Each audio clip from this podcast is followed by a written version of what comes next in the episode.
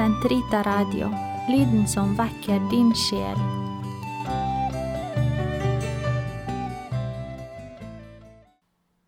Den katolske kirkes katekisme, uke 26, onsdag, paragraf 436-440.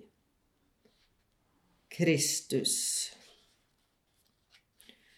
Kristus kommer av den gre greske oversettelsen av det hebraiske ordet Messias, som betyr salvet.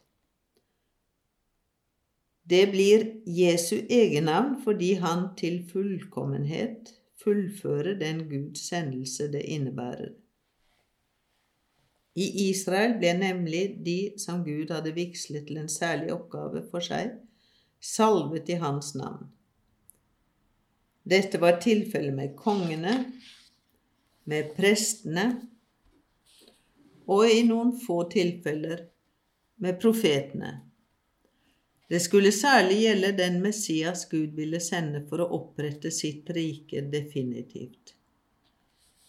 Messias skulle salves i Herrens ånd, både som konge og som prest, men også som profet. Jesus oppfylte Israels messianske håp ved å være prest, profet og konge.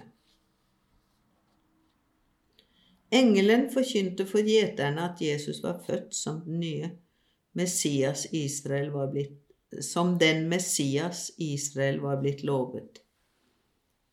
I dag er deres frelser født her i Davids by. Det er Messias, Herren. Lukas 2,11. Helt fra begynnelsen av er han den som Faderen har helliget og sendt til verden unnfanget som hellig i Marias jomfruskjød. Josef kalles av Gud til å føre Maria hjem som sin hustru, fruktsommelig som hun er med det som er blitt til ved Den hellige ånd, slik at Jesus, som kalles Messias Kristus, skulle fødes av Josefs hustru innenfor Davids messianske ett. Matteus 1,16. Jesu messianske vigsel viser at han er sendt av Gud. Dette ser vi for øvrig av selve navnet, for i navnet Kristus er underforstått Han som har salvet, Han som er blitt salvet, og den salving han er blitt salvet med. Den som har salvet, er Faderen, den som er blitt salvet, er Sønnen, og han er blitt det i Ånden, som er salving. Hans evige messianske vigsel blir åpenbart i hans jordelivstid da han ble døpt av Johannes, og Gud salvet ham med Hellig ånd og kraft, for at han skulle åpenbares for Israel som Messias. Hans gjerning og hans ord gir ham til kjenne som Guds hellige. Mange jøder, og også noen av de hedninger som delte Israels håp, gjenkjente Jesus de grunnleggende trekk ved den messianske Davids sønn Gud hadde lovet Israel. Jesus godtok å bli kalt Messias slik han hadde rett til, dog ikke uten forbehold, siden denne tittelen i samtiden av noen ble forstått etter altfor menneskelige og fremfor alt politiske forestillinger. Jesus tok imot Peters trosbekjennelse av ham som Messias ved å varsle om at menneskesønnen snart skulle lide.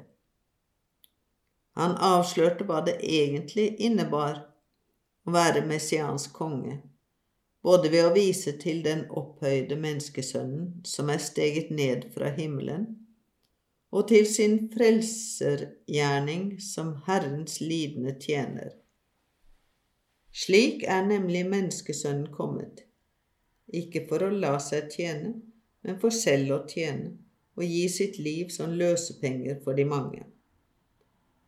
Derfor viser hans sanne kongeverdighet seg først etter at han er blitt båret opp på korset. Først etter oppstandelsen kan Peter utrope ham til messiansk konge for Guds folk. Så skal da hele Israel vite for visst at denne Jesus, som dere korsfestet, ham har Gud gjort til Herre, til sin salvede. Apostelgjerningene 2, 36.